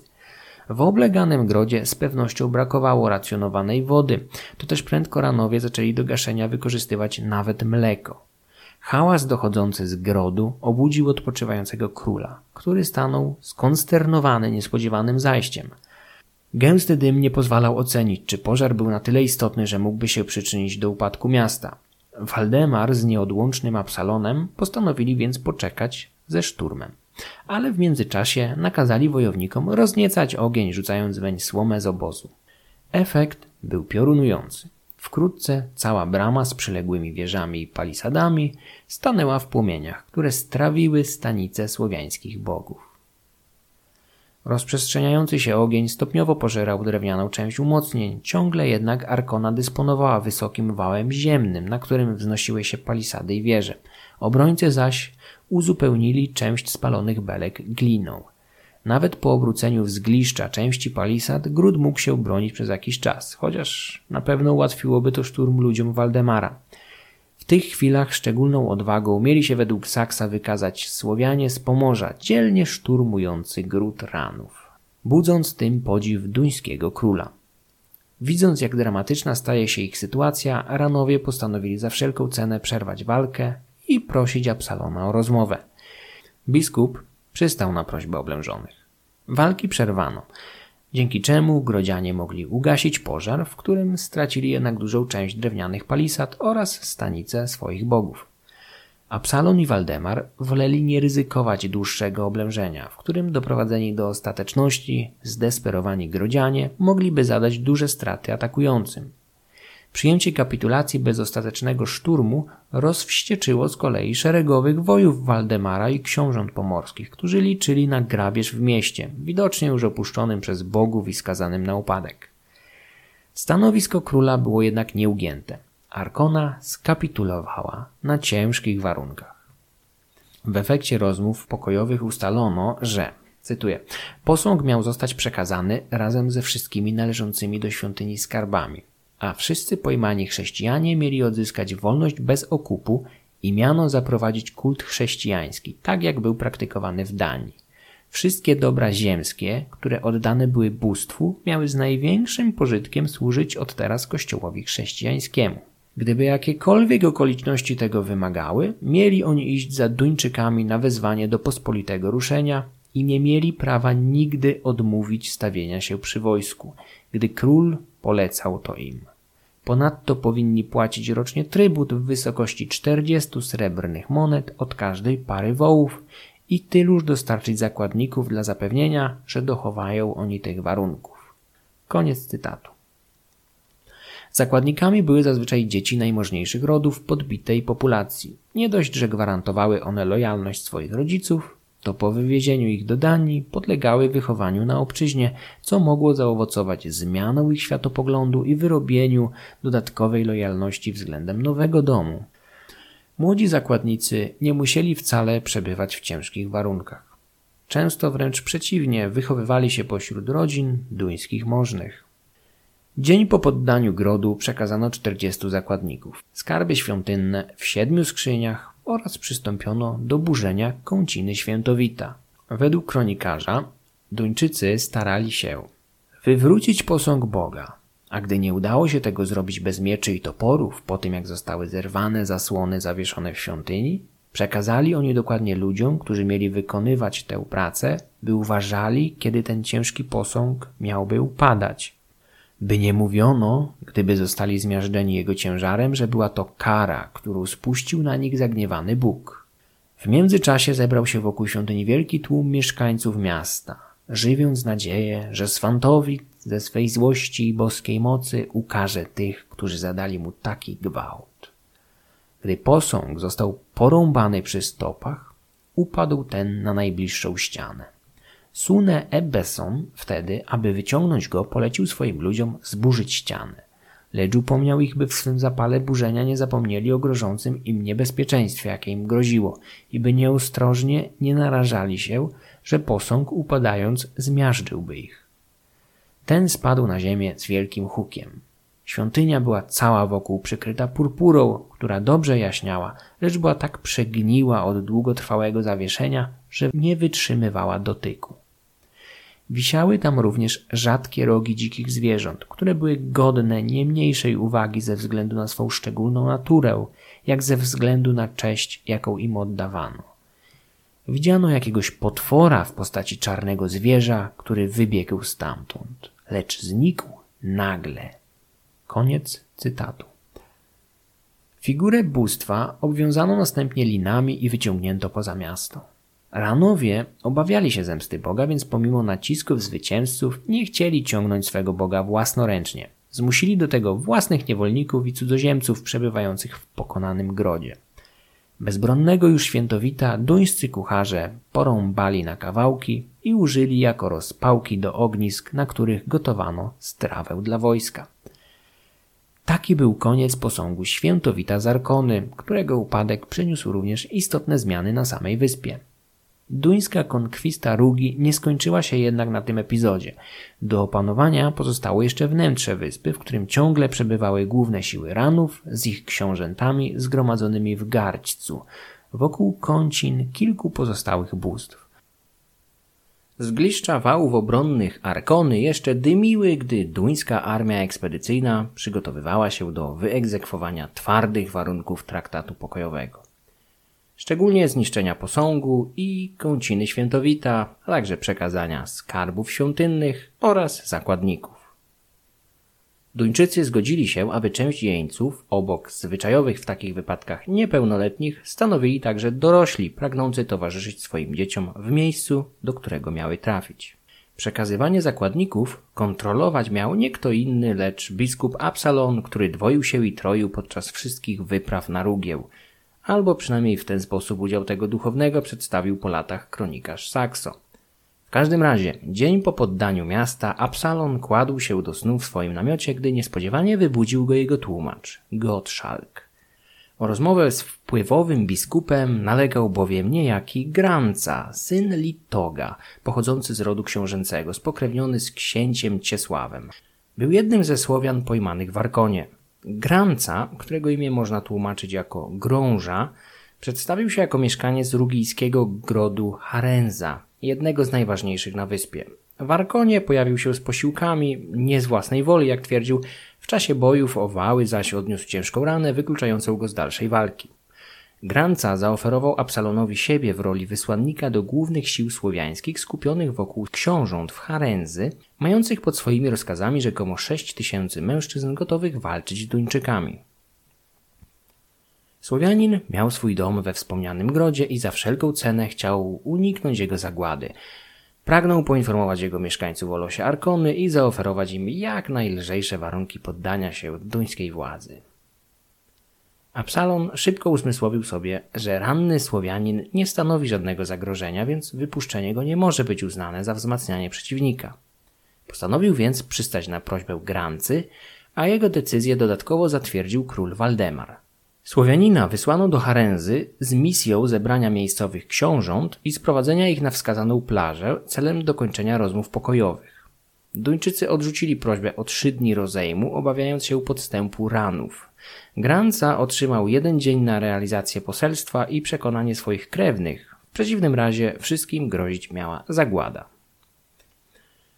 Cały dzień, który wysłannik poświęcił na swoją misję, pod zdobytą Arkoną upłynął na przyjmowaniu zakładników, okupu oraz paleniu kąciny i posągu świętowita, o czym wspominałem.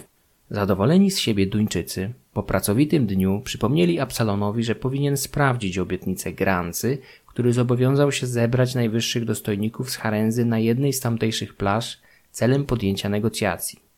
Biskup Roskilde popłynął na umówione miejsce razem z trzydziestoma łodziami pełnymi ludzi, zaś Król Waldemar miał wyruszyć za nim o świcie. Na miejscu okazało się, że mieszkańcy Harenzy bardzo poważnie podeszli do możliwości polubownego rozwiązania konfliktu. Saksogramatyk donosi, że wieść o wzięciu Arkony napełniła mieszkańców Harenzy takim strachem, że pojawili się w wyznaczonym miejscu znacznie przed umówionym czasem. Oprócz wysłanego z misją Grancy na plaży pojawili się książęta Ciesław i Jaromir oraz najdostojniejsza szlachta rugiańska. Absalon przyjął ich na pokład swojej łodzi, gdzie zaakceptowali warunki poddania się. Po jakimś czasie na wybrzeżu pojawiły się statki z królem duńskim, który zaakceptował porozumienie osiągnięte przez biskupa z miejscowymi możnymi. Następnie Absalon razem z księciem Jaromirem oraz biskupem Swendem z Archus udali się do słowiańskiego grodu. W międzyczasie brat Absalona, Esbern Snare, ten sam, który nadzorował niszczenie posągu Świętowita, ugościł pozostałych możnych, nie pozwalając im jednocześnie opuścić łodzi, dopóki Absalon nie wróci ze swojej wyprawy. W rzeczywistości stali się więc zakładnikami gwarantującymi bezpieczeństwo biskupa Roskilde, który w swoim stylu wyruszył do słowiańskiego grodu z niewielką drużyną, liczącą według kronikarza zaledwie 30 zbrojnych, z których część odesłał jeszcze przed pojawieniem się w Harenzy, aby nie prowokować bujek. Saxo opisuje Harenzę następującymi słowami. Cytuję. Harenza jest ze wszystkich stron otoczona mokradłami i bagnami i dostęp do niej jest tam tylko jedną drogą poprzez brud, który też jest bagnisty i trudny, a jeżeli ktoś nieostrożnie zejdzie na którąś ze stron, nieuchronnie tonie w nim. Gdy człowiek już przebył to grzęzawisko, wchodziło się na ścieżkę, która pomiędzy bagnem i wałem prowadziła do bramy, by nadać teraz swej kapitulacji uroczysty charakter, mieszkańcy Harenzy w ilości sześciu tysięcy wyszli uzbrojeni przez bramę i ustawili się ostrzami włóczni wbitymi w ziemię po obu stronach tej drogi, którą mieli przebyć Duńczycy. Biskup Swent zadziwił się na ten widok i spytał, co miało to oznaczać, że wróg wyszedł tak. Na co Absalon odpowiedział, że nie powinien się on obawiać, było to jedynie dla okazania swego poddaństwa. Gdyby ich zamiarem było uczynić im szkody, mogliby tego łatwiej dokonać w mieście. Jak wielką odwagą musiał być obdarzony ten człowiek, skoro bez dalszego rozważania wątpliwości zawierzał swe życie woli uzbrojonego wroga. Wojownicy z nabraną jego przykładem odwagą, bez drgnienia powieki czy nerwowego ruchu, poszli za nim równie stanowczo co on, bowiem przy Absalonie czuli się bardziej bezpiecznie niż żywili obaw wobec ilości wroga. Gdy Duńczycy przebyli grzęzawisko i wyszli na drogę, która wiodła wzdłuż wałów, Rugianie, którzy wszędzie stali oddziałami, padli na twarz, jakby chcieli okazać cześć istotom wyższym, a po tym jak powstali ponownie, szli przyjaźnie za nimi. Także wjazd Absalona odbył się z wielką przyjemnością dla mieszkańców, którzy pragnęli wyjść jemu naprzeciw. Został przez nich przyjęty nie jak ten, co przybywał dla wykonania specjalnego zadania, lecz jako ten, co niósł pokój całemu krajowi. Koniec cytatu. Prywatnie nieco sceptycznie podchodzę do domniemanej euforii, z jaką Ranowie mieli witać Absalona, chociaż możliwe, że po latach wojen i zagładzie wielu osad na wyspie byli tak wyczerpani i przerażeni możliwością zagłady ich grodu, że przyjęli pokój z ulgą, nawet taki zakładający ciężkie warunki. Sam gród nie był zaludniony w czasach opisywanych przez Saksa. A w obrębie tych wałów było zbyt mało miejsca, aby pomieścić tam kogoś więcej aniżeli kapłanów, obsługę świątyń i być może jakichś strażników. Z całą pewnością nie mogło tam mieszkać sześć tysięcy uzbrojonych mężczyzn z rodzinami i książętami. Ta armia zebrała się na obrzeżach Grodu i oczekiwała wymarszu w kierunku Arkony. Wymarszu, który nigdy nie miał nastąpić. Część populacji tymczasowo zamieszkała w obrębie wałów, o czym dowiemy się za chwilę, ale nie było tam dla nich zbyt dużo miejsca. Nas najbardziej będzie interesował opis trzech świątyń, jakie istniały w Harenzy.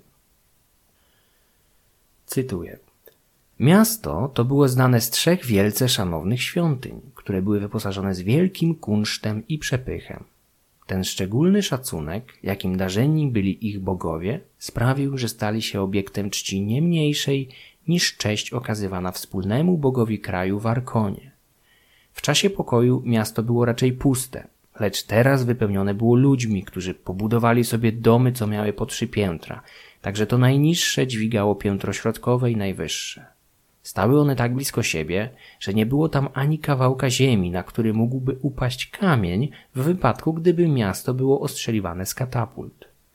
Lecz domy z powodu brudu, jaki tam panował, były tak pełne smrodu, że ten męczył ciała w takim samym stopniu, jak lęk męczył duszę. Także dla Duńczyków stało się jasne, że mieszkańcy nie byliby w stanie wytrzymać oblężenia. Nie dziwili się więc też dłużej, że ci tak szybko poddali się, gdy widać było wyraźnie, w jak nieszczęsnej sytuacji się znaleźli. Największa ze świątyń miała swe najświętsze miejsce w samym środku. I tak ono, jak i sama świątynia, miała zasłony zamiast ścian. Sufit opierał się tylko na kolumnach.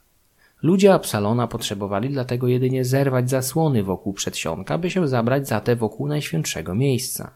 Gdy zostały one ściągnięte, ukazał się tam posąg z drewna dębowego przedstawiający Boga, którego zwano Rugiewitem i który ze wszechmiar przedstawiał sobą wstrętny i ośmieszający wygląd. Mianowicie jaskółki pod jego twarzą zbudowały gniazda i w wielkich ilościach zrzucały odchody na jego piersi. Tak, ten Bóg zasłużył niewątpliwie, by jego posąg został tak wstrętnie zapaskudzony przez ptaki. Miał on siedem ludzkich twarzy, zebranych pod wspólnym szczytem głowy. Artysta dał mu siedem różnych mieczy, które wisiały w pochwach na jednym pasie. Ósmy trzymał on wyciągnięty w prawym ręku. Był on tak trwale umocowany żelaznym nitem, że nie szło tego wydostać bez odrąbania ręki, co też się stało. Był on ponadnaturalnej grubości i tak wysoki, że Absalon, stojąc na palcach, ledwie mógł dotknąć brody małym toporem, jaki miał zwyczaj trzymać w dłoni. Bóg ten, jak wierzyli, miał moc jak Mars i utrzymywali, że rządził wojną. Nie było nic w tym posągu, na co można było patrzeć z przyjemnością, bowiem był on niezgrabny i brzydki. Duńczycy poczęli teraz ku wielkiemu przerażeniu całego miasta rąbać swymi toporami z całych sił jego nogi, a gdy zostały one przerąbane, upadł korpus na ziemię z wielkim hukiem. Gdy mieszkańcy miasta zobaczyli to, wzgardzili oni bezsilnością ich Boga i swą cześć zamienili w pogardę. Wojowie z drużyny, którzy nie zadowolili się jedynie obaleniem go, z jeszcze większym zapałem wzięli się za posąg Porewita, którego czczono w następnej świątyni. Ten miał pięć głów, lecz żadnej broni. Gdy ten był już porąbany, udali się do świątyni Porenuta. Ten bożek miał cztery twarze i jedną dodatkową, która umieszczona była na piersiach. Lewą ręką trzymał on ją za czoło, a prawą podtrzymywał jej brodę. Ten padł także pod ciosami toporów służby Absalona. Absalon polecił teraz mieszkańcom spalić te posągi, lecz ci prosili go, by zwolnił on ich od tego i by miał zmiłowanie nad przepełnionym miastem i nie narażał ich na śmierć w pożarze, tak jak oszczędził ich od śmierci od miecza. Bowiem, jeżeli ogień rozszerzyłby się i zająłby się jakiś dom, bez wątpienia całe miasto zamieniłoby się w popiół, jako że domy stały tak blisko siebie. Polecił on więc im wyciągnąć go z miasta, lecz ci długo byli niechętni i usprawiedliwiali oni swą niechęć przesądem, jako że obawiali się oni, że Bóg będzie chciał ich pokarać niemocą ich członków, których użyliby do wykonania takiego polecenia. Lecz gdy na koniec Absalon wytłumaczył im, że moc Boga była w istocie niewielka, skoro nie mógł pomóc sam sobie, nabrali nadziei, że uda im się uniknąć kary i pospieszyli wykonać jego rozkaz. Faktycznie było to dziwne, że bali się oni mocy tych bogów, gdy myśleli oni, jak często byli karani przez nich za swą rozwiązłość. Mianowicie, gdy mężczyźni byli w mieście z kobietami, zdarzało im się, jak psom, że nie mogli się ponownie rozłączyć. I spotykało się ich czasami zawieszonych na drągu ku pośmiewisku innych ludzi. Ze względu na ten odrażający znak, który w rzeczywistości jest sprawką szatana, czcili oni te nędzne posągi i wierzyli, że był to objaw ich mocy.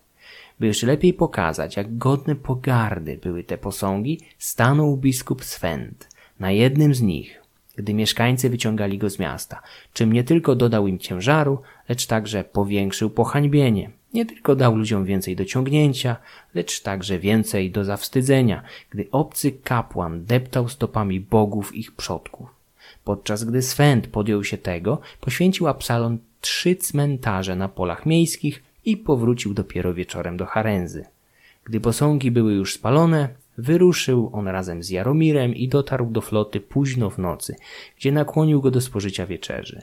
Absalon nie spał już trzy noce z rzędu i całe to czuwanie odbiło się na jego oczach, że prawie nic nie widział. Koniec cytatu. W ten sposób saksogramatyk opisał upadek kolejnych trzech bóstw słowiańskich czczonych na Rugi, ale Gesta Danorum nie jest jedynym źródłem pisanym z tamtego okresu opisującym podbój tej wyspy. Skromne wzmianki zachowały się w islandzkiej Knytlinga Sadze.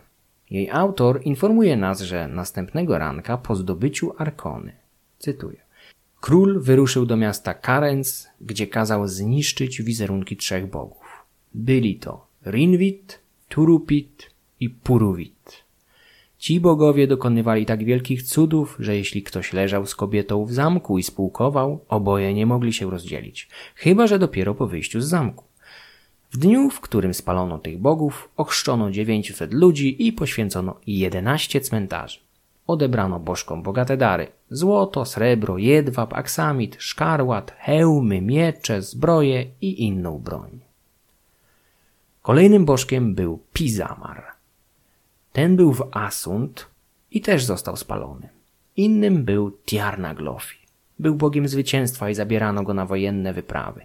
Miał srebrne wąsy, trzymał się najdłużej, ale w końcu po trzech latach został schwytany.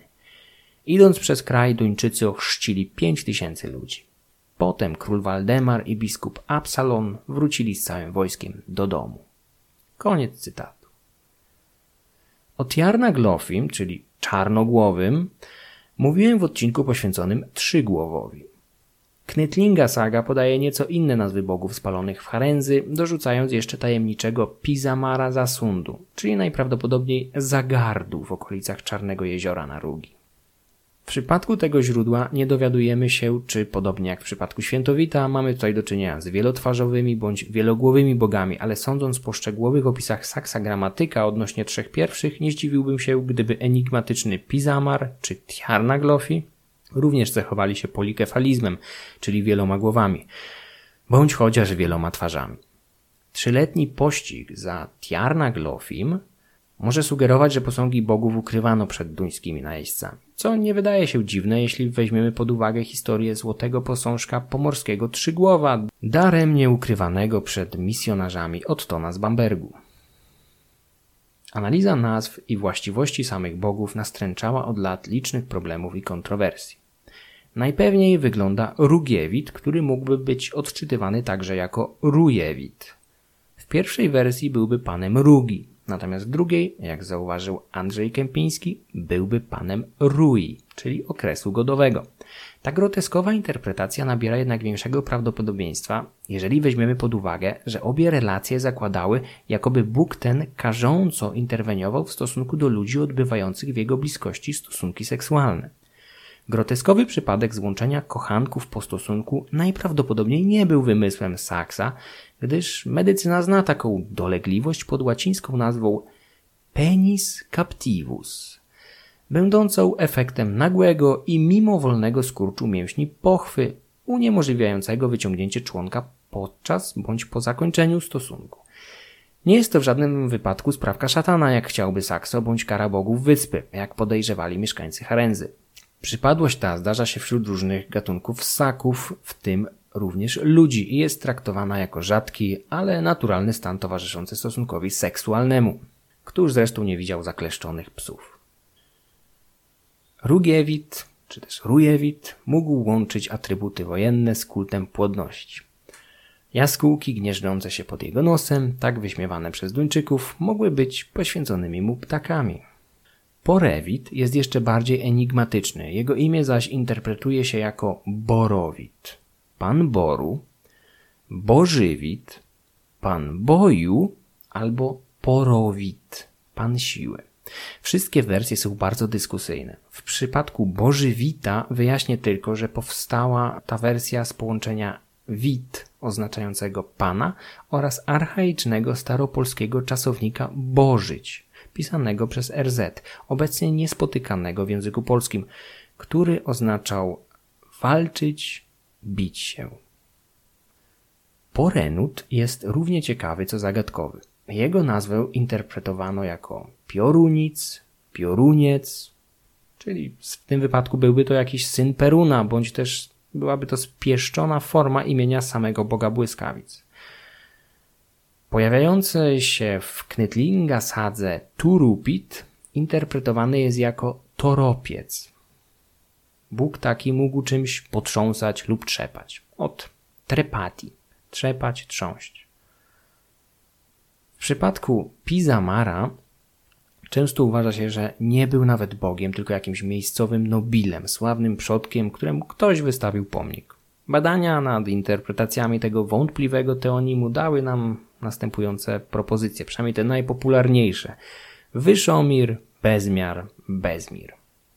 Badacze tacy jak Aleksander Gejsztor czy Stanisław Urbańczyk widzieli w nazwach bóstw połapskich takich jak Świętowit, Rujewit, Porenut, czy innych jedynie przydomki, które z czasem usunęły w cień i skazały na zapomnienie właściwe imiona bóstwa.